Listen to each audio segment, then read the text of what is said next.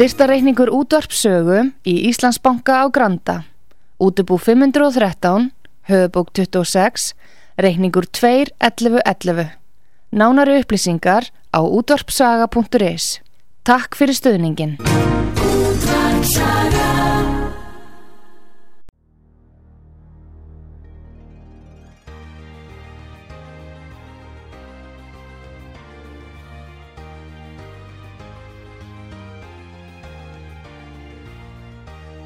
Heimsmálinn í umsjón Pétur Gunnlaugssonar.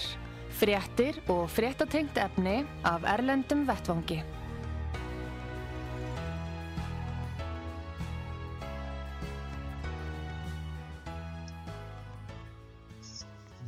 Góðir eh, hlustendur, við erum að hlusta á útvarpsögu, ég heiti Pétur Gunnlaugsson og ég ætla að ræða við hann Gustaf Skúlason, okkar mann í Svíþjóð. Sæl og blessaði Gustaf. Marg blessaði Pétur og hlustendur útvarpsögu. Nú við ætlum kannski að fara að skoða starfsemi saminuðu þjóðuna lítilega, hvað segir um það? Já, ég hérna, við rættum nú síðast um erfitt mál og þessi erfið mál um barnanýð og allt þetta kynja, alla þess að kynja flokka og, og kynja veru næstu því, það eru transgendir hinga og honga. Já. Nei, það var að koma skýrsla, eh, ég var að sjá frétt sem ég snaraði yfir og byrti á heimasíðu sögu skýrslu frá saminuð þónum sem að heitir megin reglur 8. mars á, á alþjóðlega degi kvenna. En uh, þessar reglur eru svolítið sérstakar og við nánar lestur. Ég þurfti að eigða svolítið tíma í að ég er nú ekki búin að lesa allar kísluna. Ég las nokkur, nokkrar af þessum reglum, Já. til dæmis númer 16 og 17. Það sem, er, það sem að maður setur bara, sko, maður, það er bara maður einhverju róa stann, sko, þetta skulle koma frá ofinberi alþjóðlega stofnun sem að Já, nú veitum við það, bæði hérna í Svíþó líka á Íslandi og mörgum öðrum stöðum er eh, mikið tröst á saminuð þjónum en e, það rýrna nú heldur aldrei betur við lestur þessara skýslu því að þarna eru lögfræðisærfræðingar að halda því fram að e, mannréttindi e, séu aðri refsu lögum og það eru tekið fram sérstaklega í sambandi við afstöðu kynlýsathafna fólks með fólki undir 18 ára aldri, það er að segja með börn. Og e, þar er verið að segja það að e, ef að ef að hérna samþykki einstaklinga undir 18 ára aldri er við slíkum aðtöfnum þá sé það aðra refsi rétti og jafnveg þó að brjóti gagvart lögum og það sé banna með lögum að sé, sé, sé slík aðtum farið fram. Nú er kynferðisaldurinn ég... ég- misjafn, skotun á Íslandi er hann 15 ár sennilega, held ég, og, og hérna 15 ár og, og það er spurning, hvað vilja þær fara langt niður? Sér, kemur það fram í skýslunni? Nei, ég, sko eins og ég segi, ég er ekki búin að lesa Nei. í þessum tveimur, tveimur reglum, 16 og 17. Það var annars regla 16, kynlíf með samþykki og svo regla 17 um, eh, sko, bara kynlífstörf. Það er, það, er- það er, sko, þá, þá er ekki talað um neinn neðri mörg. Það er bara talað yngri í enn. Og, og e, nú er það allavega ekki í þessum miklu tveimur. lægri í Pakistan er giftingaraldur víða miklu lægri heldur en týðkast. Hvað er, getur hann verið, ég menna, allar er að fara að innleiða uh, svona reglutar eins og þeir eru í Pakistan eða einhver staðar á, á því svæði? Múslimar Já, margir vilja færa aldurinn já. niður í, mér skorti varandi giftingar. Já, já, já, og var ekki Móhamed sjálfur, var hann ekki með nýja ára gammal, Jú, gammalli telpu eða hvernig þetta var já, náttúrulega? já, já, já. Og- mm. Nei, en, en, og það hefur verið mikið rætt, sko, ég meina gifting undir aldrei sem er til dæmis bannað hérna í, í, í Svíþjóð, en þeir hafa leitt samt sem áður. Já, hvað er giftingar? Ég meina, það er ekki með að við átján ári í Svíþjóð, það er ljótt að vera lægri aldur, það er það ekki. Já, þeir eru, sko, þeir, já, það er, það, ég held að giftingaldurinn sé átján hérna, sko. Já, giftingaldur, Eða- eða mætti giftingaldur, já, Já, giftingaldur. giftingaldur, já, Já. emmitt, emmitt. Já, því að þeir hafa verið með félagsmannastofni hérna, hefur verið með sko sérstakann leiðavísir á, á, til þeirra sem hafa flutt í landsins og eru gifti börn sem hefur ekki neykslum hér sko. Nei en það bara þetta er sko maður spyr sér sko það í þessari sett sem ég las og það er nú, bæklingur, þessi bæklingur hann er á heimasíðu sögð, þannig að getur bara eins sem kann að lesa ennsku en, en í þessari frétt það sem ég las sko þá er nú vittnaður linkar í nokkra síður um þessi mál, Já. það meðal annars til dæmis skiptingi í heiminum, það eru sko árlega þá eru hjónabönd, 12 miljónir hjónabanda eða sem sagt það er ein gifting með barni aðra hverja sekund í heiminum. Já. og ef að það verður ekki aðgjert þá er það 12 miljón barnahjónabönd í heiminum árið 2030 og mest af þessum barnahjónaböndum eru í Afríku 38%, 25% í Söður-Asíu, Miðausturlöndum Norður Afríku eru 17% og Östur-Európu og eru 11% þannig að þetta er gríðalegt vandamál í heiminum og ég, sko, ég spyr mig bara með að hafa að lesa þessar tvær reglur það er ekkert minnst að tala um kynlistjónustu og það má ekkert skerðið eitt eða neitt og jáfnveg þú veist þriðji aðli innblandaður. Það er ekkert minnst á mannrán, mannsval eða neitt slíkt. Nei, nei, skil. Að, en hvað vilja þér með kynlífstörf, ég minna, uh, eh, það er að segja vandi, vilja þér þá að það telja að þessu mannréttindi að konur geti stunda þetta sem starf? Já, já, já, það er, það er sko lagt alveg bann við því að það má að korki refsa, beita þvingunum valdi eða valdmisbeitingu yfirvalda eða með öðrum ráðum að stöðva. En þetta getur leitt af sér auðvitað smittætt og annað slíkt, getur það ekki komið inn í þetta? Þeir eru verið að hafa mjög stranga reglu þegar að, að heimsfaraldur er annars viður, ég, ég er ekki að segja að það leiði af þessu en en hérna en, það, en hjá okkur er reglan svo að þetta er heimilt ekki, og það er sænska regla líka en þeir sem að uh, kaupa sér þjónustuna, segja kallarnir þeir, það má, það má hérna, refsa þeim, það er refsivert aðtæfið svolítið sérstætt Já, já, það er það har nú verið mikið ræst og okkur að lefa sölu á sölu á einhverju sem, sem síðan er bannað að kaupa já, er, en þá, þá segja yfirvöld og lagasmiðir að það sé gert til þess að venda aðalega konur þá Já. því að, því að, að, gera þá því þær séu þólendur og, og eða þeir sem selja slíkt þeir séu þólendur en, en hins vegar hinn er sem notverði séu þá brotaskildi Já en sjáu til, en, þær eru þólendur En þar sem þær eru mm. þólendur, akkur er þá ekki þetta reynd að koma í vekk fyrir þetta? Ég er ekkert að segja að endurlega vægt að gera það, en með, e, e, það er rögrið, dæmis með þrælahald. Ég meina, ef maður leifa þrælahald vegna þess að þó þið séu þólendur, þá allavega fá þér að geta hjá þrælahaldaranum eitthvað trúleis. Ég meina, Hvernig er þetta að hugsa? Já, þeir, já, þeir segja það hérna, sko, ef það er með samþykki fyrir sko, skipti Það er hvað er að marka samþykki, þetta er bara neyðar ástöfun. Ég býst við því að það séu já, til happy hookers eins og þið segja, það er sjálfst að konu sem farið í þetta, en þetta er náttúrulega sko, en þetta er kannski eina leiðin fyrir þær til þess að, að geta hérna átt, eh, haft einhverja tekjur.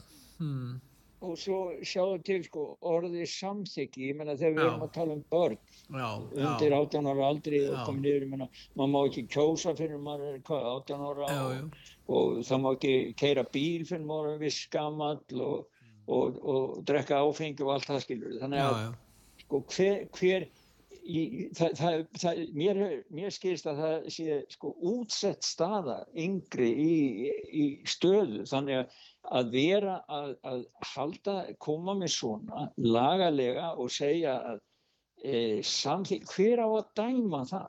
Að, hvernig er það þá bara undir dómaranum komið sem sagt hvað, hvað Nei, það verður að vera já, það verður að vera ákveðin mörg en sko það sem vekur mína aðtikli eða ætti að vekja aðtikli af hverju eru saminni þjóðan að gefa frá sér þessar skýslu Ég menna þjóðuríkin sjálf hljóta ákveða hvaða stefna ríkir í þessu málum. Akkur er þeir að hafa einhverja stefni í þessu málum? Já, það er akkurat miljón dólar spurningi. Hvað já, eru saminuð þjóðunum? Það er ekki þeirra, það var aldrei þeirra markmið með saminuð þjóðunum að þeir færi að skipta sér af uppeldismálum í einstaka þjóðuríkum. Það er náttúrulega innan ríkja múslima, sko, ég, hérna, við hefum sko, að bera líka virðingu fyrir þá þessum ríkjum í Íslam, þeir hljóta að hafa rétt á því að stýra uppeldi og, og, og í samræmi við sína menningu. Það er ekki hlutverk annara Vesturlanda eða saminuðu þjóðana og aftur eru það ekki hlutverk saminuðu þjóðana að skipta sér að því hvað er að gerast hér í þjóðríkjum Vesturlanda. Þannig mér finnst bara afskipta sem í saminuðu þjóðana og einhverja nefnda og svo skipa nefndirnar hérna, eða þjóðirnar sem mynda þessa nefndir þetta eru oft þjóð, þjóðir sem að fara í þveröfuga átt heldur en þessi skísla búið. Já, já. Eins og þegar þeir hérna, sátar eru, eru formenni í kvennabaróttunni. Já, já, alveg, já, kvennabaróttunni, feministarnir hérna í, í Ríad, það er náttúrulega mjög... Ha. Já, já, já, nei, þetta, þetta, sko, ég, ég bara, ég fæ þá tilfinningu og þess vegna vil ég setja fram á spurningu, ég eru er þetta ekki bara sko stefna Íslam? Þetta er, mér finnst vera svona svipað tótni í þessu eins og er gagvart uh, þegar Íslam er að verja svona frændsemi og selja börn til frænda og annara no. stefnaði líkta svolítið af því og er þá með mín spurning svo bara er ekki samin svona bara orðnar komnar í, í bara orði verkværi fyrir Íslam Þeir eru náttúrulega fjölmenn, þeir eru náttúrulega þeim fjölgarsóðar, þeir eru 55 þjóðir að minnstakosti og, og, og sem þeir eru með algjörvöld eða íslamar, íslamistar eða, eða muslimar eftir að sagt að stjórna. Svo eru þeir fjölmennir í öðrum löndum líka þannig að, að þeir hafa náttúrulega gífulega áhrif. En varðandi þessar refs... Já. Já, nei, maður sér sko munin, munin á þessar afstu og til dæmis eins og í Flórida Já. Þar voru þeir að samþykja núna í vikunni tvö frumvar sem gera ráð fyrir því að taka lífið af barnanauðgara. Það verði dauða refsing að nauðga barni í Flórida. Og þeir samþyktu þetta, var þetta ekki samþykt að, að dauða refsing var innleitt í, í réttarfarið í Flórida gagvart uh, mönnum sem væri að, að nauðga barni. Undir 12 ára aldri og þetta er búið að samþykja þetta í fulltrúadeildinni það var bara 95 sem það var algjör meiri luti Já, 95 gegn 15 já, já, já, já og þannig að það var algjör meiri luti Þannig að demokraterðir hafa tekið þátt í þessu líka. Já, já. Þeir eru ekki með svona mikið meiri hluta republikanar, eru ekki með svona stóran meiri hluta í Flórida þannig að demokraterðir stiðja republikana í þessu virðist vera Já, verðist vera. Ég þekki nú ekki alveg hvernig skiptingin Nei, er. Nei, en hún er ekki svona. Það hafa mikið fylg í flóri. Já, já, þeir eru ekki með svona með yfirbúra fylg. En þarna er sko, þarna er verið, sko þarna ekki verið fram, við erum með smá kljópu þarna frá einni, einni hérna. Jessica Baker heitur hún. Baker, í þingununni, já, hvað segir hún? Já. For somebody who rapes a small child, only God can save them. And in Florida, we should be eager to arrange that meeting. Members, I ask for your support, and with that, I close. Já, hún vil bara eina legin er að Guð tækja á þessu og það er best að flýta því að, að við komum til e, misgjörðamaður hitti Guðsinn eða, eða kannski einhvern annan já, já, já, en, en sko en þetta er náttúrulega spurningin hvort að hæstir eittu bandaríkjana fallist á þetta því að þeir getur raun og veru við, við til hliðar uh, uh, uh, lögjöf í einstakar fylgjum þó að fylgjum eigi náttúrulega starfa sjálfstætt. Ef að hérna ef það tali brjóta í báa við við, já, til dæmis ákvæðum grimmilega refsingar við brotum, það er eitthvað ákvæði stjórnarskranni þannig, en það er eins vegar komið í ljós að hæstiréttu telur að einstök fylgi að stjórna málefnum er tengjast fóstureyðingum þannig að það er kannski röggreitt af halvu núverandi eh, meira hluta í hæstarétti bandaríkjana að segja Flórida á að ráða þessu er það ekki? Já það er mér skilst að það sé búið að vera í gangi langt ferli eh, milli stóru réttana sko í fylgjunum Já. og því hún sagði það að, að þegar hún vonaðist til þess að þetta myndi þrýsta á hæstarétt allríki, allríkisins hæstarétt til þess að endur skoða afstöðu sína til máls, málsins. Því að það, það virðist verið einhver deila þarna á milli eins og þú segir það. ég bara þekki það ekki, ekki alveg smáður en þarna sér maður sko mismunum bara á milli sko barna afstöðuna til barnan Já. hvað, á, á, stór, stór stofnun, alþjóð stofnun vil draga úr sem sagt eh, að, að það sé verið Að refsa fyrir, fyrir slíkt en, en á öðrum stöðum eins og í Flórida þá er bara farið upp í hæsta, hæsta topp með það og bara fólk drepi fyrir að gera Já, bara tekið að lífi. Hmm. Þeir eru með döðarefsingu auðvitað í Flórida og er líklega um 30 fylgum í bandaríkjanum að 50 held ég. Það er nú ekki framkvæmt nema, það er nú ekki verið að, að hérna, framkvæma þetta nema í ákveðnu fylgum sínist mér en, en þetta er enga síður aðteglisvert og spurning hvort að fleiri fylgi geri þetta og innleiti þá döðarefsingu fyrir þetta. En ef við snúum okkur til Svíþjóðar þá er aðteglisvert að, að sænska sjónvarpið, þú ert með hérna fréttum það að þeir eru að hérna tala um að konur vilja hætta eigna spödd til að koma í veg fyrir hamfara hlínun þannig að lofslagsmálin eru farin að hafa áhrif á, á, á þessi mál líka hmm. Þetta er alveg ótrúlegt. sko. Það var, það var viðtal hérna, svenska sjónvarpið var viðtal við mann og, og ég með hljóp út af því og svo var líka tengdu þann hljóp út viðtal sem að Elon Musk var með þar sem hann er að lýsa, hann var að spyrja því hvað til þú vera helsta vandamáli heiminum dag sem er alveg sver öfuð sko. hann telur að já, hlustum á hljóðbútin hvað kemur fram þar population growth is over, overtaking the, the, the gains we're getting from the uh, you know, adaptation and implementation of, of renewable technologies. But who are you as a white middle-aged man here in United Kingdom to advise women in the global south on their fertility? Wh- What do you think's the biggest threat to mankind right now? right now is population collapse, the super low birth rate.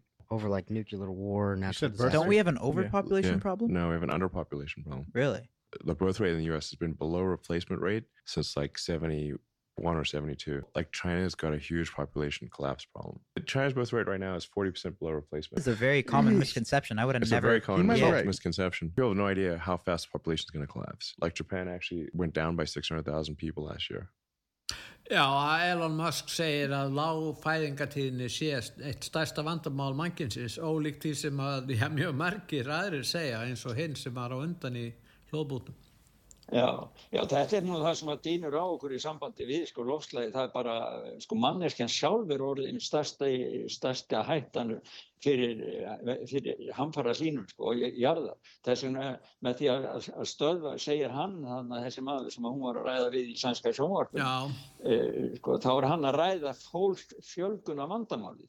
Já, við verðum nú að minka, það verður að minka fæðingar og tölur og annað og, og það er náttúrulega mest, skilist mér er barnafæðingar í, í Afríku og þá kemur hún með þetta, hún var svo neykslega á því að hann sem hvítur miðaldra maður getur var skipa því. í Afríku, já, já, eignast ekki börn, sko. En það er svolítið mótsagnarkent því að hver er hún sem að stýlur það að það verði minguð uh, batningni, verða mingaðar út af fólksfjölgun og vandamál sem að við er okkur er sagt allan tíma.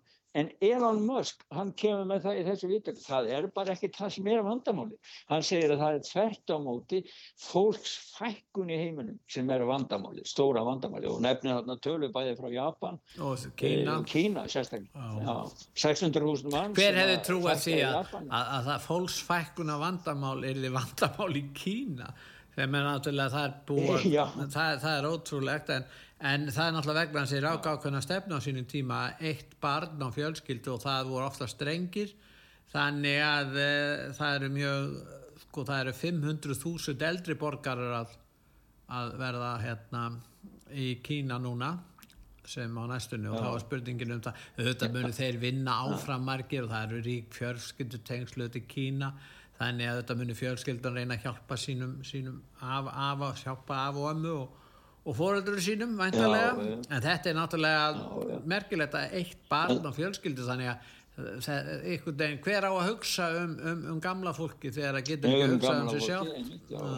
Já, og þetta er nú svona svipa eins og hérna líka í Svíþ og Þýskalandi og Já. mörgum löndum Európa, sko það er stekkandi Já, þá segja menn ríkið á að hugsa um gamla fólkið og, og, hérna, og þá er það dýrar og dýrar og dýrar og það er vandamálið sem að hmm. Já, það sem er nú sko það sem er nú bara þetta þú veist að við erum alltaf að heyra þennan áróður þessi ofmikið af fólk á jörðinni Já. en Eva Lardingebrók sem við höfum oft rættu hún frægur réttar heilsbyggjum fyrir hollendingur hún, hún og, og framælið baráttunni fyrir hollandska bændur hún er nú alveg með það á reynu og hún segir það að sko það sé verið að nota sem sagt eh, kólefni skattakerfið og sem á að reyna að koma á núna í, í Európa-sambandinu og verður sett á, á Íslandi líka að það, það er til þess að taka og gera fólk, venjulegt fólk eignanlust því það verður að taka skatta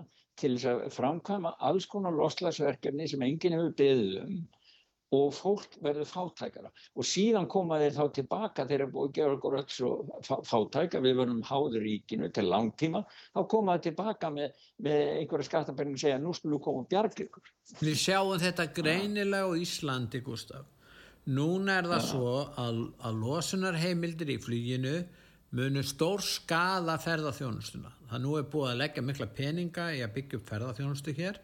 Þetta er stærsta atvinnugreinin ja. okkar ef að hún reynur eða veikist verulega þá mun það draga verulega úr lífskjörum Íslendinga. Og þarna er beinlinis ákveðin stefni í loftlagsmálum að stór skada efnahag Íslands.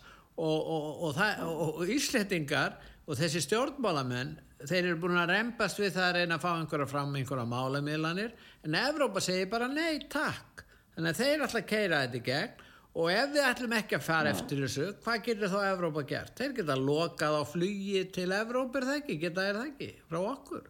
Ég meina, ja, við sjáum ja. svo greinilega hvað er að gerast hérna. Og stjórnmálamennir jú, núna fyrst nú á greiðum það hvað í Strasbourg í vikunni, Gustaf þá allt í einu síðustu daga fóru þeir að sjá uh, allt í einu að þetta væri alvarlegt mál, býtu við. Þeir vissum þetta fyrir löngu síðan Ég meina að það voru brefaskipta ja, mellir fósittisráð þeirra og Úrsulu von der Leyen í, í fyrra sumar. Þetta var, var ekki verið að tala um þetta hér. Almenningur fekk ekkert að vitu þetta. Var ekki eðlert þá að þeir sem er í ferðarþjónustu og er að leggja aðlögu sína í mm. það, fá að vitu um þetta, þá geta þær hægt við það að leggja aðlögu sína í ferðarþjónustu og gert eitthvað annað. Skilur þú hvað það segja? Ég meina upplýsingarskorturinn skadar fólk enn meir. Ég, ég veit ekki sko að maður myndi lenda í þeirri afstöðu að þurfa að velja mikið þess að kasta stjórnaskráni á bólkostin eða einhverjum einstökum greinum eða einhverjum öðrum samningum. Ég, sko ég bara stend, segi, fyrir, segi fyrir mig, ég vil ekki kasta íslenski stjórnaskrá Nei. á bólkostin. Og, og, en við erum búin að því, þýðir, við erum að því alla dagar. Já, það er verið, verið að gera það og, og e, þjóðin verður að rýsa upp og segja frá, segja hér frá að þetta með, setja stopp í þessa þróun sko. og ef að það kostar það, það verði að, að kasta EES-samningnum á, á bálkostin, ég segi ef að það kostar það, þannig að víst, að þá, þá, þá myndi ég freka velja þann bálkostin, en málið er það alveg nákvæmlega eins og hann sagði Jón Baldur Hannibalsson þegar hann var í Vítali hjá ykkur að stjórnmálamenni og hann Sigvartur sagði það reynda líka Já. að maður nótfæri sér ekki þá möguleika sem EES-samningurinn býður upp á. Og það var aldrei ætlinu og þetta hefur Davíð Oddsson fyrirvændi fórsættisráðara marg ítrekað útskipt fyrir þjóðinni. En stjórnmálamenni þeir sem setja núna við völd hunsa þetta alls saman. Og þeir, þeir eru bara borgar. Þeir, þeir, þeir hafa fengið umbóð frá þjóðinni til þess að vinna fyrir þjóðina þeir eru allir búin að segja sína sál og vinna fyrir erlend öll. Nú því hefur verið haldið fram að þessi samsæriskenninga verið sér að skipta um, um fólk og þjóðir í, í Evrópu en eh, staðrindin er svo að það er ólöglegt að stöðva hér fólksfluttinga. Það virðist vera, það er ekki hægt og eins og hér á Íslandi, Já. hér streymir fólkið inn og, og ég menna þetta er svo veruleikur sem við búum við. Já, þeir voru nú að koma með það frá held ég að sambandinu um daginn að það væri ólöglegt að stöðva eða hvort nefa mannréttindar á því Já, það er brot á mannréttindum. Það er að segja að einhver Já. sem er að leita betra lífi hann á, hann hérna það ber að virða rétt hans til þess að leita betra lífi og það voru það skilda móttökuríkisins að sjá til þess að hann fái betra líf. Ég menna það, það þýðir það að þessi lönd á vesturlöndum sem, sem lífskerur eru betri þeir þeim ber skilda til að sjá til þess að fólk frá þriðja heiminum sem er að koma hingað að það fái að koma hingað inn ólöglega eða löglega hvernig sem þeir, það er brota mannréttum þeir eru raun og verið að segja að það er ekki til neitt sem heitir ólöglegur innflytjandi en þeir eru spjöldi hjá No Já, Borders eru akkúrat. þannig ha.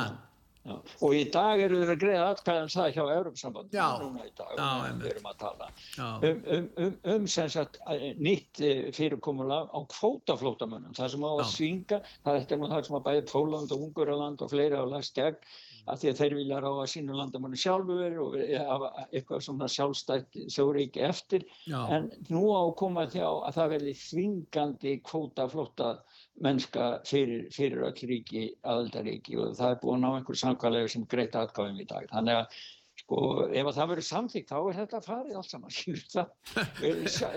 Já. væri hvað? Já, hvað? Og, og ekki gleyma það sem fólk viljast ekki gleyma er þegar að þjóðri, sko, þegar landamenni hverfa, þá mun þjóðuríki hverfa smán saman. En þá gerist eitt í viðbót sem menn ætti að gera grein, þá hverfur velferðarkerfið. Því það er ekki til neitt alþjóðlegt velferðarkerfi, Gústaf. Velferðarkerfið er innan marka þjóðríkisins. Og ef að, ef að, ef að þjóðríki hverfur ekkert velferðarkerfi, þá eru bara ráfandi hjörð hér sem er að selja vinnaafsitt eða líkama sinn eftir atvikum. Eða líffæri nú sér þess vegna. Já, líffæri. Já, er nú kannski það, ganga, það verður kannski nóg frambúð á þeim fyrir ríka Nei, þetta er orðið, þetta er orðið svo kjaksfrugla ástand sko í þessum heimi sko og ég, ég man að mikið hugsa til bandaríkjana í sambandi við það sem við rættum síðast. Það, sko, það er kannski erfitt fyrir fólk á Íslandi eða annars að skilja ákveður þetta hefur rist svona djúft þessar, þessar transauglýsingar hana Já. og ákveður hluta, hlutabrjöf fyrirtækisins eh, Ann Hauser Busch sem að framleiði Bud Light, það er hrundum 7 miljardar dollara Sko það er vegna þess að þeir voru með ákveðna ímynd áður og það eru þekktir hestar sem hafa verið teknir og hestarnir og hundarnir og alltaf höfða til þjóðarvitundar bandaríkjana. Já. Það hafa verið, svona, verið svoleiðis, þannig að bjórin var með sl- slíkt. En hann gjörsamlega í og með eh, samningin við leikarann sem að segist vera trans að þá hefur bara algjörlega fórsnúið í bakinu og núna var einn að koma sem er fyrirverandi kostningastjóri hjá Donald Trump. Já. hann er að setja bjór á markaðin sem heitir Ultra Right. Uh, bjór í hans pappa Ultra Right ég veit ekki alveg hvernig hann á að þýða þetta. Því náttúrulega Ultra over hægri til Já, hægri Já, já. en það getur líka, líka þýtt ofur rétti því að þess að eini rétti bjórin vegna þess að það stendur á, á bjórkunni 100% trygging fyrir því að það er engi, ekkert rétt trúnað að bræða þessum bjór. Við erum með smá hljóð Eh, Já, það sem við að skulum hann- heyra, heitir hann ekki Seth Weathers, eitthvað lýs Jú, og hann er að slá sundur eina bjórdósana. Við skulum sjá hvað, þessi Seth segir.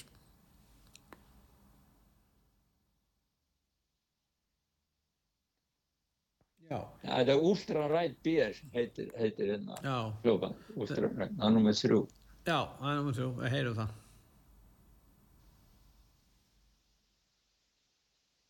Nei, það gengur vist eitthvað erfiðlega, við veitum kannski komið eftir. Það er vísu eitt sem við þurftum að ræða líka, það er sambandi við rítskoðun. Er það rétt? Er ekki lengur Shakespeare kendur í háskólum í Bandaríkjum? aðeins í fjórum af 52 bestu háskólum í Bandaríkjana það er búið að afnema Shakespeare vegna það er ekki rétt þeir sem fara að læra já, Í til ef- um þú ferð í Princeton eða eitthvað staðar og fer að læra bókmentir, lestu þá ekki já það er ekki Shakespeare? nei það er ekki skild, það er bara skilda í fjórum af 52 háskólum þannig að þú, þú þarft ekki að lesa það, Shakespeare er ekki kendur lengur Það var að skilda þegar ekki- ég var í MR að lesa Macbeth eftir Shakespeare. Sem betur fyrr fengum við að Já. lesa Macbeth eftir Shakespeare og ég meina en ég meina bandaríkjum sem Nei, tala meina, og, ne- og ne, net, Netflix er að koma núna með nýja my- myndaröð þar sem að Cleopatra, hún er þjeldögg og Channel 5 í Breitlandi, þeir eru sína núna nýja myndaröð þar sem að Anne Boleyn, móðir drotningamóðir Elisabetu fyrstu Já. hún var uh, Tek- önnu kona he, he, hérna, Henriks áttunda. Áttunda. Já, hen, já, Henriks áttunda sem að hann, hún er já hausinn fauk af algjörlega henni þjeldögg Þannig að svartu hausinn fauk af henni í raun og veru. Hen, Já, henni hún, gátt hún henni er sjá svo, til það. sko ég meina bara, sko með þessari, það er verið að breyta sögunni, Já. núna er að koma alls konar myndir og frásagnir, það sem hefur verið að skipta út þekktum personum úr okkar samilu menningararfi og breyta því. Og hvað svo, eftir hundra ár verður þá sagt um árið 2023 í, í, á Íslandi, já, hinn þeldökka Katrín Jakobsdóttir var fórsættisráð þetta. Ég meina, þetta er, þetta er, hvað er að gerast, Pétur? Hvað er að gerast í okkar heiminn, maður? Ég veit það ekki. Kannski, kannski verið. Snorri Sturla svona einhvers konar transgaur, maður veit ekkert hvernig er. Eh, Nei, maður veit ekki neitt. Og núna eru, sko, og, en núna sem betur verið eru smá svona einhver merki svona um, um bata einhver stað því að Arnold, allavegna á yfirborðinu, því að Arnold hann var Já, Schwarzenegger, já. Hann, hann, hann var ríkistjóri einhvern tíman í, í Kaliforn, nei, Kaliforníu, jú, leikari, frægur. En hann og Já, sem hann hefur sagt, hann hann sér var eftir, hann sér eftir Já, hvað hann, hann- var að let frá sér fara um, um, um að styðja COVID-ofstækið á sínum tíma. Já, og við vo- erum með hljóput akkurat einmitt Með á Schwarzenegger, lýsingu. já, já, hlustum á, á Arnold. There is a virus here.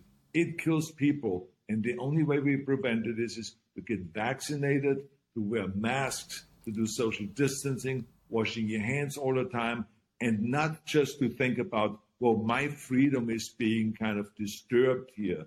No, screw your freedom. Your freedom. En hann skipti skoðin á þessu. hann skipti skoðan á þessu en það er nú sumir sem taka hann ekki trúalega og segja það já, ef allt þetta hefur ekki komið í ljós og að pendullin er að að- hann sagði að kæmi áttina fyrir smitt, ég meina, það kom ekkert í veg fyrir Já, smitt þessi, þessi, Nei, nei, hann sko. sagði bara sömu dellin og Joe Biden Já. þú veist, enginn verður sjúkur, allir frískir og allt þetta og duga með eina sprautu. Já, freedom, gamla það er ekkert annað, já, já. Já, já, það er ekkert annars. En Já, hann, en- bara, en- en- hann- hann er eins og Terminator, sko, hann, hann, Já, hann gefur það skít er- í frelsi. það er hann. bara, já, já. Og svo var hérna annað hérna, það var með sko, hvernig þetta er, hvað fólk er komið miklu að varna stöðu með hlutina. Elon Musk, hann var í viðtali eh, hjá BBC. Já, já. Ég sá var- það er mjög, mjög merkilegt Þú viðtal. sást viðtalið? Já, merkilegt Já. viðtal, sko. Við erum nú ekki með neitt hlóput úr því en það er kannski alltaf að segja aðeins frá því sko því að þe- þessi fréttamaður sko þetta er orðið svona um leið hann spurði hann bara einfaldra spurninga getur komið eitt dæmi fyrir þessu sem þú veist að fullera Já. að hann var að tala um hatusumræðu og, og, og samsæriskenningar og allt þetta Já. og hann gata ekki hann vildi ekki, hann gæti ekki komið með eitt og þá sagði Musk að heyrðu, þú verður að fyrirgeða, ég er bara að segja það þú veist ekki neitt hvað ert að tala um En mótmælt. Musk spurði En þennan Taylor, þennan mann frá BBC, hann spurði hann að því, kondu með dæmum það um hatursorræðu á Twitter frá minn, minn, að minni hálfu, kondu með það og, og hann spurði hann aftur og aftur og aftur. Og hann gæti ekki Já. komið með eitt einasta dæmi, þá sagði náttúrulega hann, já, þú veist eitthvað hvað það tala um. Þú bara fer með, með ósannindi, skilur Já, og hann já, satt já, já, uppi já, e- BBC maðurinn, þetta er á nú að vera svo merkileg menningarstofnum BBC og þess að hann satt að eins og hálfviti þarna maðurinn eftir þetta sko. Alveg, hann var alveg og enda líka við verðum bara að breyta þessu förum og tölum um annað sann. Já, ég er ekki til þess að frjálslinda vinstri hatar með Elon Musk, það er ekki spurning Nei, nei, og svo sko öll þessi þróun, allt sem að maður er að sjá að heyra sko, það er verið að breyta sögunni, Já. það er verið að koma á rít sko, algjöri allræðis einræðis, allræðis rítskon hjá Európa-sambandur. Ylva Jóhansson frá sænska sósaldemokrautunina sem er orðin kommissionær í innri málum. Hún er að leggja fram tilögum núna sem um, um fyrirbæri sem heitir chat control, ég kalla það samtalseftirliti og það er með gerfi greindar stýrðu fjölda eftirliti á hverjum einasta borgara í öllum ríkjum Európa-sambansins. Það verður fylgst með öllu sem þú gerir á netum, öllum skilabóðum sem skrifar, eh, tölvupostinu þínum, alla síður sem þú heimsækir og all, öll samtöl sem þú átt við í gegnum snjálfsímaðinn, allt. Og það er gert ekki nafni barnanis því að það er- segist alltaf komið veg fyrir barnani en það er nú bara ekkert allir sammála því að þjóðverjar þeir hafna þessu, það hefur komið svíðandi gaggrinni frá mannréttinda nefnd Európaþingsins lípi, það sem þeir segja sko, listuðu bara upp hvað það væri, hvern, hvernig þetta væri og þeir segja það að, að, að þessi þetta eftirlit það muni alls ekki komið veg fyrir barnani vegna þess að þeir munu bara fara inn á það sem að heiti, þeir er kallað myrkrar neti þeir eru bara að nota þetta sem átillu en sko Ylva Jóhansson hún elskar bara stóra bróður það er ekkit öðruvísi. Hmm. Já, það er hún sem er að koma með þessa Já. um kvótaflóttamennina. Já, og, og svo núna þetta. Já, já. ég meina mm. ef einhver krati, sænsku krati hefur meiri ójafna manneskja í heiminum þá er það já, hún kemur frá Svíð hún kemur frá Svíð Já, við ætlum að fá auðlýsingar núna og eftir auðlýsingar þá ætlum við að tala um gerfugreindina og stöðunni í Úkrænu stríðinu Já, gerum það. Gerum það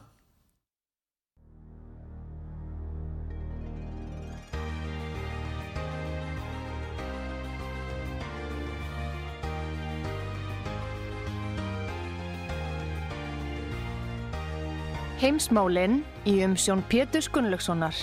Fréttir og fréttatengt efni af Erlendum Vettvangi.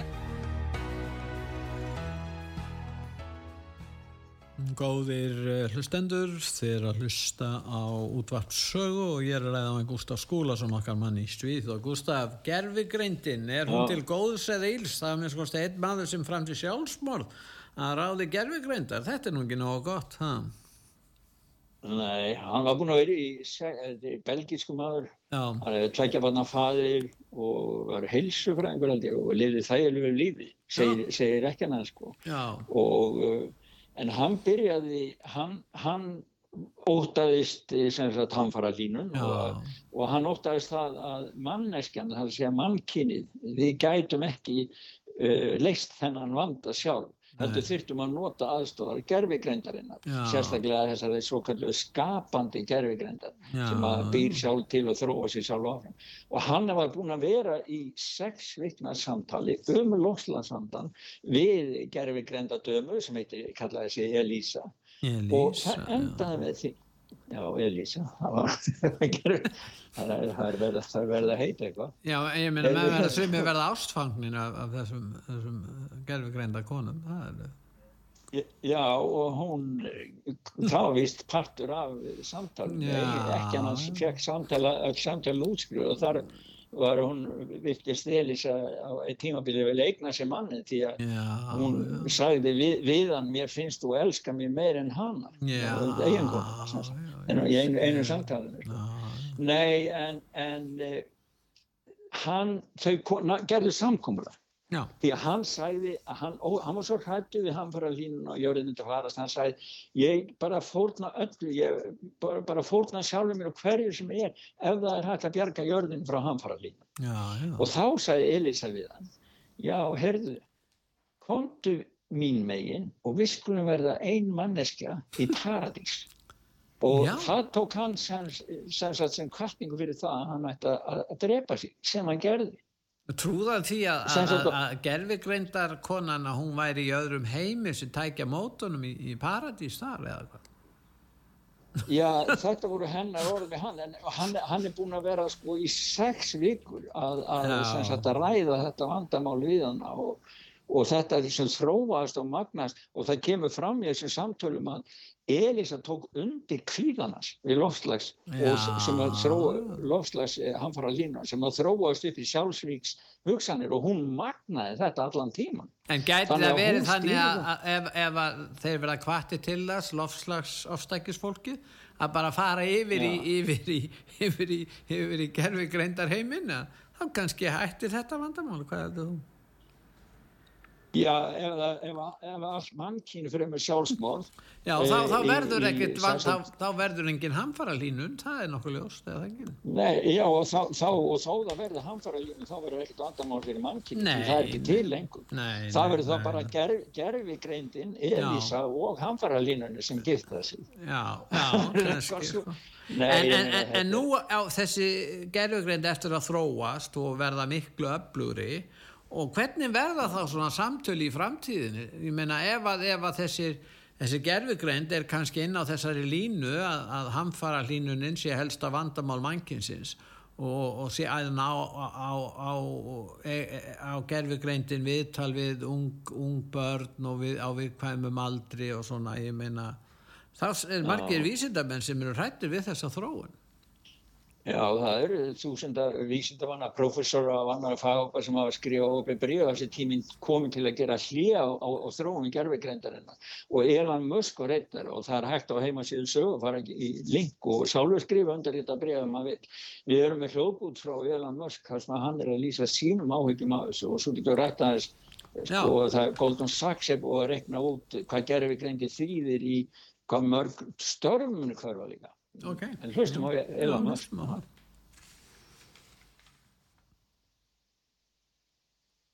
Elon Musk. Já. Nei, hann kemur ekki. En hann sagði það allavega að, uh, skulum við sjá, Elon Musk, já, hann sagði það allavega að hann telur að það verða stöðut vegna þess að gerfigreindin hún hefur í sér uh, sem sagt eh, kraftin til að geta valdið tjónu og orðið mannkynuna hættuleg. Já, en það gengur ekkert vegna að Asía mun aldrei taka undir það, ég meina kymverðin halda áfram að þróa þetta, þeir eru komnir lengra á þessu sviði, þeir eru Já. búin að þróa þetta, þessa gerfugreind á herra plan heldur en Vesturland hafa gert, segja sumir sem að þekka til þess, ég er haldið fram. Þannig að, að þó að Vesturlandabúar myndi stöðva þróun gerfugreindar þá, þá myndi það ekkert stöðva þá í öðru löndum eins og til dæmis í Asju Japan myndi aldrei hætta við að náttúrulega- Nei, þeir reikna út sko að það verði sko flest störfi heiminum muni á einhvern hátt verða í sambandi við gerfi greindina. Ná, það skapa, að skapa ný störf auðvitað líka það er, Já, það er ekki bara tröflun á en, vinnumarkaði en Goldman Sachs hafði reiknað út að það geta haft áhrif á 300 miljónir stöðugilda Já. semst að sjálfvirkni gerfugreinda kemur inn í staðin fyrir mannfólk aðri tala um 800 miljónir starfa Já. þannig að þetta er, sko, þetta er svo gríðarlega miklar sýftingar og breytingar Já. að þegar að svona áhyggjur eru og ótt um það að, að maður hafi ekki fulla stjórn á þessu og þá náttúrulega skilur maður það að menn vilja setja þetta aðeins svona setja þetta Það smá tæknin hefur nú sannað það og sínt að skapa ný störf ég menna við þurfum ekki að nota skoblur ennþá skilur til að halda upp störfum Já, já, já, já, það er náttúrulega, engi, það, er náttúrulega það sem er gott á, á að nota en í Já. röngum höndum þetta væri til dæmis hermenn eða eitthvað þú veist Já. sem að Já, já. Þú getur, ef að tölfur, ég meina, það er eins sem að nýtt misnota þekkingu og aðganga tölvum. En það er nú eins og það er. En, en sko, ef við snúum okkur til Úkrænu núna og þá Já. er spurningin, nú er það þannig að Macron, hann fer til, til Kína. Hann fer með Úrsulu von den Leyen og hérna síðan hafa þjóðverðinni farið ánga. Það er eins og allir sé að fara bara til Kína alveg eins og menn fóru til Rómar hér á miðöldum. Og, og Kína Já. er að verða, sko, Peking er að verða, sko, hinn nýja Róm. Eða, eða, Já, eða Jérúsalem eða, eða, eða, eða New York eða hvað sem við viljum þeir eru bara að verða keisari alheimsinn þetta er eins og að verður að verða- fara þanga til að fá samþykki áður en hægt að gera En sko nú gengur Macron með þá hugmynd í maganum að Evrópusambandið og þetta Frakland í farabróti að eigi að verða stórveldi og heimsveldi. Það er þessi draumur gamlu nýlendu herrana þarna í Evrópa þeir geta orðið heimsveldi og, og hann gengur með þetta í maganum og, og hérna Já, hann, hann var sex tíma fundur hann og hann var í viðtali við politík og það var rosalega Fondi Leijan fekk var lítilækku herfilega. Það ekki verið lítilækku síðan hún fór að hitti Erdogan Nei, alg, þetta er rétt hjá þér þetta er rétt hjá þér alveg. Já, og satt langt, langt í burtu sko. En eh, Macron sæði á þessum í viðtali við Politico að, að, að hann hefði tilkynnt í Kína, Xi Jinping, að frakkar þeir telji það ekki vera hag sinn að blanda sér í deilur ef að, ef að Bandaríkjan og Kína lenda í styrjöld út af Tævan. Þá er það ekki hagsmennu fraklas og þetta hefur skapað gríðarlega mikla mótsettingar í Evrópu. Sprungan í Evrópusambandinu er orðin miklu, miklu meiri. Mm. Uh, við vorum með smá hljópan þarna. Eh, Mark Rubio, hann er hérna þingmaður fyrir eh, Flórida fylki hann er hátsettur í, í republikanaflokknum og öldungadeildinni sérstaklega í utaríksmálum hann er mjög ósáttu við þetta og þeir náttúrulega bandaríkja menn hugsa þannig já við hættum bara að styðja Úkrænu þetta verður bara hlutverk Evrópu að styðja Úkrænu ef þeir ætla ekki að styðja okkur í Asíu. Er það ekki þannig sem þeir hugsa, ég býst nú með því. Jú það er akkurat það sem hann segir ef það er, ef það er hægt að spila lókutin, ég veit ekki. Já, ok, það er skoðan Our allies position, if, if in fact Macron speaks for all of Europe, and their position now is they're not going to pick sides between the U.S. and China over Taiwan. Then maybe we shouldn't be picking sides either. Maybe we should basically say we're going to focus on Taiwan and the threats that China poses, and you guys handle Ukraine and Europe. So we need to find out does Macron speak for Macron, or does Macron speak for Europe? Já, þetta var það sem við vorum að Já. Að eh, hann er hann eh, og þetta er náttúrulega útbreytt skoðun hjá bandarískum stjórnmálum og sennilega almenningi líka ég held að almenningur sé svona ef, ef, ef að Evrópa allar að hérna, standa ekki með bandaríkjamönnum í þessari deilu um Tæfan ég meina, já. hvað verður um NATO? Já, það, já, það er en, en Evrópa, sko, bandaríkjamenn meiröldu bandarækjaman er á móti stríðin í Úkræn þeir vilja ekkert vera í þessu stríð það er bara bætinstjórnir sem er í því sko. en svo er hérna sko, Þískaland komið yfirlýsingu og er að reyna svona sletta yfir þetta sem að Makrón sagði því Já. þeir eru er búin að velja að taka afstöðu með bandarækjum í þessu máli. Hvað hva er það að gera í raun og veru? Hvað er það að gera Já Einmitt, hvað er það ekki þeir eru millir steins og sleggið þeir hafa enga valkost. Það er akkurat það sem er. Þjóðverjar eru búin að koma sér í þessa stöðu sjálfur búin að leggja niður síðasta kjarnorku verið er í stóru vandræðu með að fá orku. Þeir þurfa sannlega orku að halda til að halda þessari þísku efnahags uh, vél gangandi. Já það er algjörlega sko og svo er verið að sko Ungverðarland, hann, hérna, Viktor Orban, hann kom núna með yfirlýsingu um það að hann stitti eh, þessa eh, yfirlýsingu hjá Makrón. Ég er hissa á því, ég er svolítið hissa á því að Orban skuli vera að stöða þá í bandaríkjónu með þessar yfirlýsingu.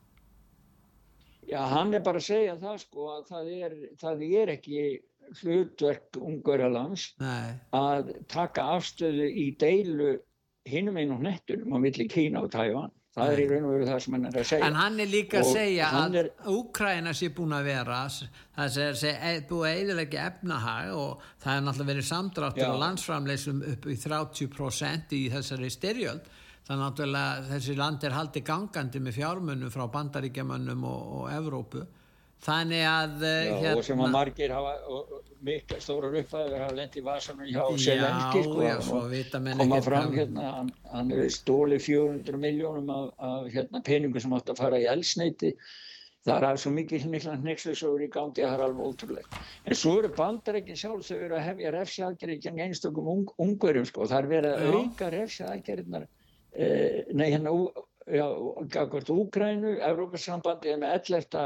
refsipakkan gagvart hérna, rúsum fyrir ekki gagvart rúsum en, en, en, en bandaríkjaman voru að koma núna með refsaðgerði gegn þrjá, þrejum bankastjórum í, í alþjóðabanka í Ungverðalandi þetta er alveg, en, alveg en, ótrúlega en viðskipta þvingarnir hafi ekki haft mikil áhrif nema þegar viðskipta þvingarnir í Evrópu hafa, hafa skadað og veikt Evrópu fyrst og fremst, ekki Rúsland Rúslandin virðast vera svona já allavega miljardamæringu fjölgar og, og þeir já, eru réttu megin varðandi landsframleyslu og þeir geta selgt þetta olí og gas til Indlands og, og, og Kína og víðar að vísu með afslætti. Og þeir, Já, Japan er búin að kaupa af þeim. Japanir eru að svíkja í þessu viðskiptaþvingunar samkómulagi við Já, Vesturland. og, og líka, líka svíjar, svenska vodka, Já, þeir, já, eru farin að selja. Já. þeir, og það er náttúrulega allt vittlust út af því hér, skilur, að bara hvað, hvað eru það að gera, en þeir bara business er business og, og en, en þetta með, með dollarana, miljardamæringana, þeir voru 100, 105 rúsneskir dollaramiljarðamæringar í fyrra en voru árið áður 83 þannig að þeim hefur fjölgat Já. þannig að maður skilur ekki sko refsaðgerðir þetta lendir bara á Evrópu allt saman þessar refsaðgerðir en við erum við hérna smá Já, en, en það er líka, menn segja Rússland er að verða sterkar en nokkru sinni fyrr. Það er við erum með hljóðbút um það Já. The senior uh, leadership thinks it has a duty to lie because the political leadership has said it's vital that you do so. No one stands up and says, by the way, it doesn't matter what the Ukrainians do, they have no chance of winning a war with Russia. Everyone with a lick of common sense knew that back in January of last year, for God's sakes.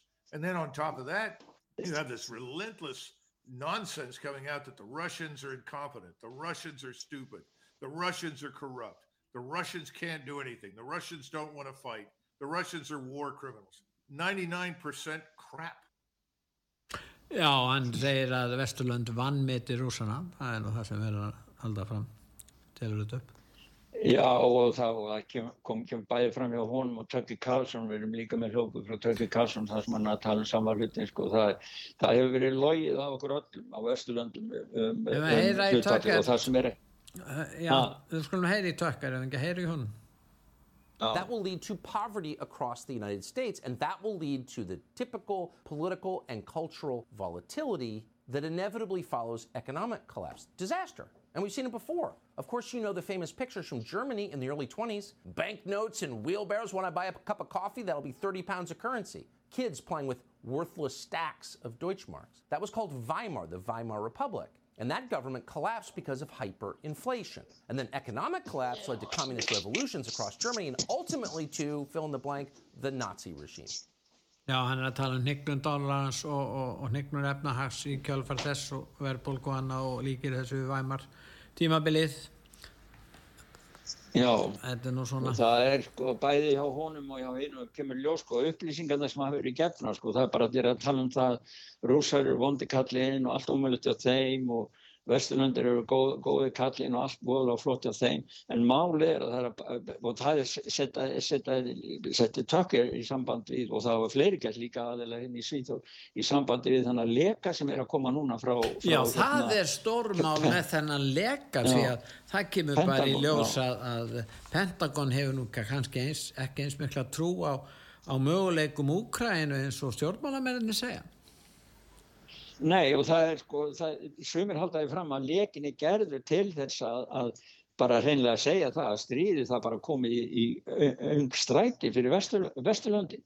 Því að, því að sko rússar þeir, þeir eru bú- búnir að vinna þetta stríð og eins og hann sagði þarna MacGregor að þeir hefðu allir vitað það fyrir meira en ári síðan að þetta stríð væri tapað. Það væri ekki hægt að vinna þetta stríð og það kemur líka frá úkræðinskum hermönum í Úkræðinu líka það sem að þeir eru að tala um sko, þeir eru sendar hos í skilabóð þeir vilja ekkit vel að einhver að fara inn í, halda þessu stríð áfram því að þeir, þeir eru bara, það er bara að vera miljað á niður. Bara, þetta er bara drápsmaskína þannig ungt, ungi menn frá Úkræðinu þeim er bara slátra En þessi tíðindi að- sem að hafa átt sér stað á Norðurlöndum, Svíþjóð er náttúrulega hægt að vera hlutlaust ríki. Þeir eru með stóra herafingu með hersveitu NATO í þessari viku. Það eru 13 lönd og, Já, og þetta eru stæstu herafingar í Já. 25 ára á svæðinu og síðan eru Finnland eh, meðlimur í allarsasbandalegin og þeir eru að byggja vegg eða allavega að byggja gerðingu á og aðgreina sín landamæri betur. Þeir hafa efna á því en bandaríkjaman Já, get já. ekki eins og byggt eh, á suðurlandamærum sínum en Nei, Finnandir eru með geysila löng landamæri við Rúsland, Gagvart Rúslandi Já, og þeir ætla að byggja þetta. Sameil, sko landamæri NATO að Rúslandi hafa meir, meir en töfald, Já. eða um töfaldast núna í og með að Finnland gekk með í NATO. Og rússar hafa bara sagt all right, þið gerir þetta við byggjum bara okkar varnir okkar megin. Þannig að þeir eru að byggja upp herrafla sínum einn gafkvært fin, finsku uh, landamærum Nú, þannig eh, að sko Já, en fórsiti bandaríkjana, hann er svona þekktu fyrir að, að vera að þ- þ- þreifa og þukla á fólki og, og krökkum og þefa af þeim og svona. Og kannski að sleikja þá líka, ég veit það ekki, hann er að tala um Ég- hann er að tala um tilvittun í hann, let's go lick the world. Var, sagði hann þetta í Já, og ég-? Jú, hann sagði að hann var í matabóði í Dublin, hann er nýbúin að vera, á Írland og hann ger, gerði sko, þjóðsynni, var þjóðsynni algjörlega til skammar og sjálfum sér náttúrulega mest en það bara er svo sorglegt að horfa upp á þetta því að hann er sko sjúkumadurinn, hann er eiginlega stofnana matur. Þetta er ekkit fyndin eða skilur þannig því að hann er bara, hann er, er út úr heiminn og eh, nei, hann, hann lögði að þeim að hann próf, hefði verið prófessor í einhverjum háskóla, hann fekk borgað peninga frá háskóla í Pennsylvania einu sinni, hann var aldrei neitt prófessor. Og svo einu sinni þegar hann var að tala við í Páfana þá sagði hann, já, þú er, það er gaman að eitthvað, eitthvað í þessum dúri, mann ekki alveg orðið þetta, en sagði hann væri Afri, hérna, afrikansku köruboltamaður. Hann- Þannig- hann- Og hann- núna já. sagði hann enda, ha, hann hefur verið í körfunni, já, já, já. já, Páfan var í köruboltamaður. Já, já. En hérna, já, en hérna, og núna endaðan þessa ræði þarna, hann segja, nú skulum við bara fara út og sagði hann. Leiklega vörð, það er náttúrulega, ef maður með mikill góðsemi, þá getur maður sagt, er stundum sagt einstakar sinnum í bandaríkjunum, svona, maður, notar þetta ef maður ætlar að fara út og ganga frá hlutunum eða eitthvað svolítið. En ég ætla ekki að leifa honum. En fáum við hljóðbótum þetta? Já, já, kemur hljóðbútur og, og, og til þess að hann væri nú ekki alveg einn í þessu þá voru settir á hann 20 fingrar fingur skiluru en, en þeim var, var stýtt neyri tíð á hljómsveit sem að spilaði lag sem hétt Lick the World en við, það var tengt saman núna Með það Biden. sem að lick, Let's go Lick the World með Biden Við skulum sjá hvernig þessi tilraun hefur Þetta er hefnast. eiginlega svona óður til hans Make Biden great again Já, já, já, blessa. Æmitt, við skulum hlusta á það, Gustaf, og ég þakka þér fyrir takk. Og hérna... Takk að fyrir sömulegis Takk að fyrir Gustaf og Já. ég þakka að hlusta þetta Bless, út að sögu en við hlustum á það Let's go lick the world Look at me and say, Joe, remember, remember who you are. Like, you're a Biden. Like, you know, what the hell is a Biden? You know what I mean? I'm like, like I'm a, uh, you know. Anyway, there's nothing our nations can't achieve if we do it together. I really mean it. Let's go,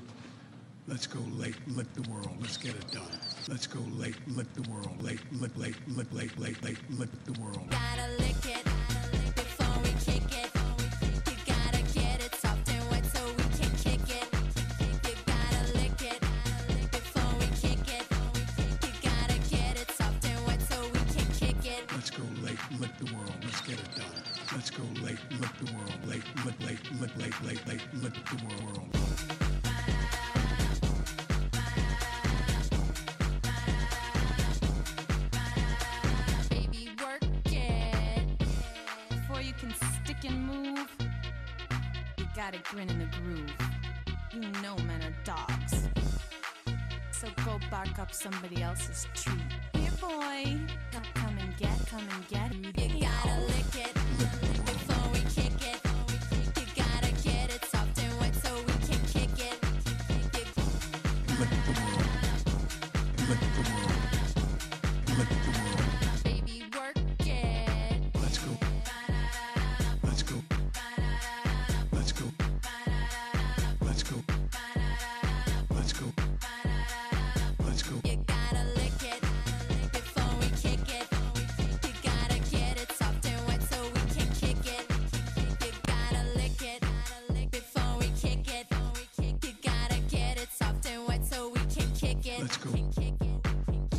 So one of the things that she's looking at me and said, Joe, remember, remember who you are. Like you're a Biden. Like, you know, what the hell is a Biden? You know what I mean?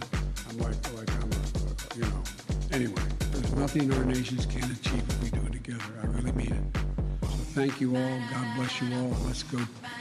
Let's go lick, lick the world. Let's get it done. Let's go lick, lick the world. Lick, lick, lick, lick, lick, lick, lick, lick the world.